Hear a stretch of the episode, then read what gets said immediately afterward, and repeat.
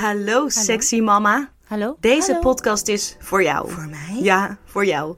Ook als seks iets is wat ergens onderaan je things to do lijstje bungelt. Ik voel je vrouw. Mijn naam is Drees. Ik ben schrijfster en moeder van vier.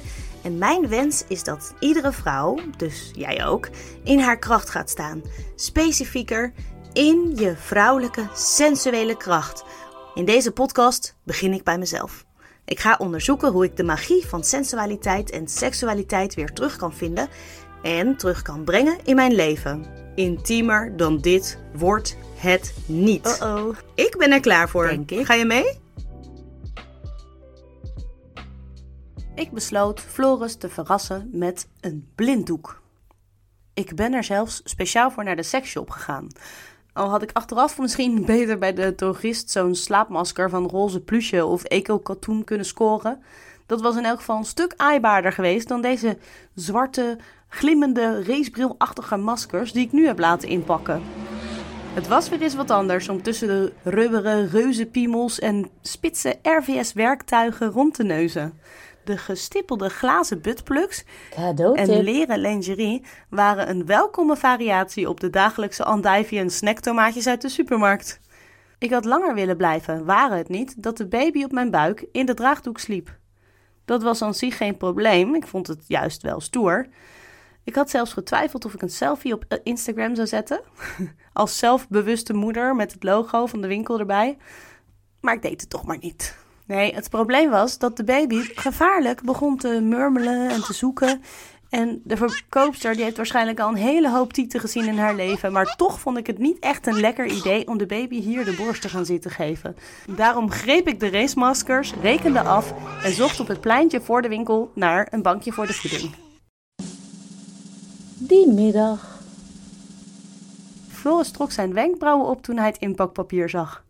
Maar nog voordat hij het kon openen, sprong onze dochter bovenop hem. Wat is dat? Waarom krijgt hij wel een cadeautje en ik niet? Hij is toch niet jarig? Ze trok een pruillip. Shit. Daar ging mijn sexy geheimpje met Floris. Hij nam haar in zijn armen. Jij zou ook wel een cadeautje willen, hè? Nou, dit kun je krijgen. En hij begon haar te kietelen. Het cadeautje onuitgepakt op de parketvloer. Die avond. Nu is het tijd voor de herkansing. Het is acht uur 's avonds. De kinderen slapen eindelijk. We hebben ongeveer hmm, een half uur voordat de baby wakker wordt, misschien langer. De vaatwasser moet in elk geval even wachten. Floris heeft de kachel hoog gestookt en een schapenvachtje op de grond neergelegd. Hij is naakt, op de blinddoek na. Ik doe mijn ondergoed uit, mijn satijnen badjasje aan en ook mijn blinddoek op. Even twijfel ik of dit wel de bedoeling is. Misschien had ik hem alleen bij hem op moeten doen en zelf mijn ogen open houden. Had ik hem vast moeten binden en de baas over hem spelen. Plagend, Plagend masseren. Likken, likken, likken. Obscene woordjes in zijn oor fluisteren. Lekkere tijger. Nou ja, nu niet. Misschien een andere keer. Ooit. Nu zijn we allebei gelijkwaardig blind. Zodra mijn ogen niks meer zien, vergeet ik de kinderen, de vaatwasser Mijn boodschappenlijstje. De broodtrommels. Mijn hangbuikje. De putjes in mijn bil. en de tijd. Doordat één zintuig uit is, lijkt het wel alsof de andere vier op scherp gaan. Direct. Mijn oren spitsen zich. Waar is Floris? Ik hoor hem licht zuchten, maar hou zelf mijn adem in. Zonder dat we het afgesproken hebben, blijven we automatisch allebei zwijgen. Ik begin rond te kruipen over het vachtje, met mijn huid de zijne te zoeken. Ik voel me net een kat. Een informatieblokje over de biologie van je ogen. Je ogen staan direct in verbinding met je hersenen. Als je opgewonden raakt, wordt je pupil groter. En daardoor worden je ogen gevoeliger voor licht. En dat kan ervoor zorgen dat je ze liever wilt dichtdoen. Met een blinddoek op is dat natuurlijk meteen geregeld. Nu je ogen niks kunnen zien, komen er minder prikkels binnen en kan je autonome zenuwstelsel zich ontspannen. En grappig genoeg zorgt dat voor extra opwinding. Want goede seks kan eigenlijk alleen maar ontstaan als je ontspannen bent. Hey, dit is dus spannend en ontspannen tegelijkertijd. Een streling over mijn heup. Onverwacht. Aha, daar is hij dus. Zijn handen pakken direct mijn billen en beginnen te kneden. Heeft hij haast? Nou, ik niet. Niet meer. Ik wurm mezelf uit zijn greep en neem weer wat afstand. Op mijn knieën blijf ik zitten, wachten op wat komt. Geschuifel. Het duurt een paar seconden voordat ik de bries van zijn adem op mijn arm voel. Ik krijg direct kippenvel. Met mijn vingertoppen reik ik uit naar zijn rug en fladder langs zijn schouders. Mmm, klinkt het. Ik doe mee en laat ook wat gebrom uit mijn keel ontsnappen. Het klinkt schor. Via zijn schouders strijk ik langs zijn arm naar beneden naar zijn handpalm. Onze handen pakken elkaar niet, maar blijven open en als magneten tegen elkaar aan. Zonder druk uit te oefenen, beginnen we ze te bewegen. We cirkelen door de lucht, om elkaar heen, omhoog en omlaag. De dans van onze handen. Ook de rest van mijn lijf begint mee te bewegen. Mijn heupen gaan naar voren en naar achteren.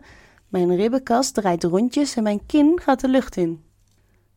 Dan laat ik zijn handen gaan, los in het luchtledige. Ik open mijn armen, maak mijn hart breed en steek mijn borsten vooruit. Heel licht raken mijn tepels zijn borstharen.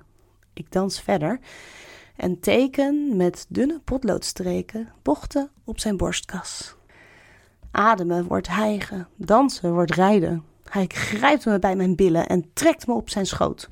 Onze lijven schuiven in elkaar, buik tegen buik. Mijn armen om zijn nek, mijn benen om zijn heupen. We zijn allebei warm en een beetje zweterig. Ik voel zijn erectie meteen tussen mijn lippen, op mijn clitoris. Ik wil hem. Dan hoor ik het, de baby. Luid en duidelijk. Ze krijst boven om haar mama. Shit. Ik gris de blinddoek van mijn gezicht. Mijn ogen hebben even moeite met het diffuse licht in de kamer. Ik zie vlekken, maar ik ren toch de trap op naar de baby. Floris roept nog iets, maar ik hoor niks meer. Stil maar, meisje. Mama is hier. Alles is goed. Ik glij met mijn vochtige lijf tussen de koude lakens en leg mijn dochter aan de borst. Het huilen verstomt zodra de melk begint te stromen. Ze drinkt en drinkt en dommelt weer weg. Een informatieblokje. Over het hormoon oxytocine. Als je vrijt, knuffelt, een hondje uit Een of borstvoeding geeft, maakt je lichaam het zogenaamde knuffelhormoon of liefdeshormoon oxytocine aan. Het zorgt voor een gevoel van vertrouwen, verbondenheid en zin om voor elkaar te zorgen. Heel fijn, maar het doet meer. Het zorgt voor ontsluiting bij het baren van je baby en het maakt je lekker loom. Ook als je klaarkomt, krijg je een flinke stoot. Het is de oorzaak dat mannen na de zaadlozing zich omdraaien en als een blok in slaap vallen. En het is ook de oorzaak dat mijn baby weer lekker wegzoest. Heel even twijfel ik. Zal ik me stiekem van haar losmaken, mijn tepel uit haar mond wippen en naar beneden sluipen om ons geblinddoekte avontuur af te maken? Nee, laat maar. Er is geen houden meer aan. Ook ik voel de oxytocine stromen en ik val heerlijk in slaap. Dit is mijn happy end. Bedankt dat je hebt geluisterd naar dit avontuur. Ik ben benieuwd wat het met je heeft gedaan. Vond je het leuk? Heb je ervan genoten? Vond je het stiekem misschien een beetje awkward, gênant, interessant, grappig? Laat het weten. En vooral, als je dit tof vindt, abonneer je dan op deze podcast. En natuurlijk kun je me ook volgen op social media. Ik zit op eh, Facebook en Instagram.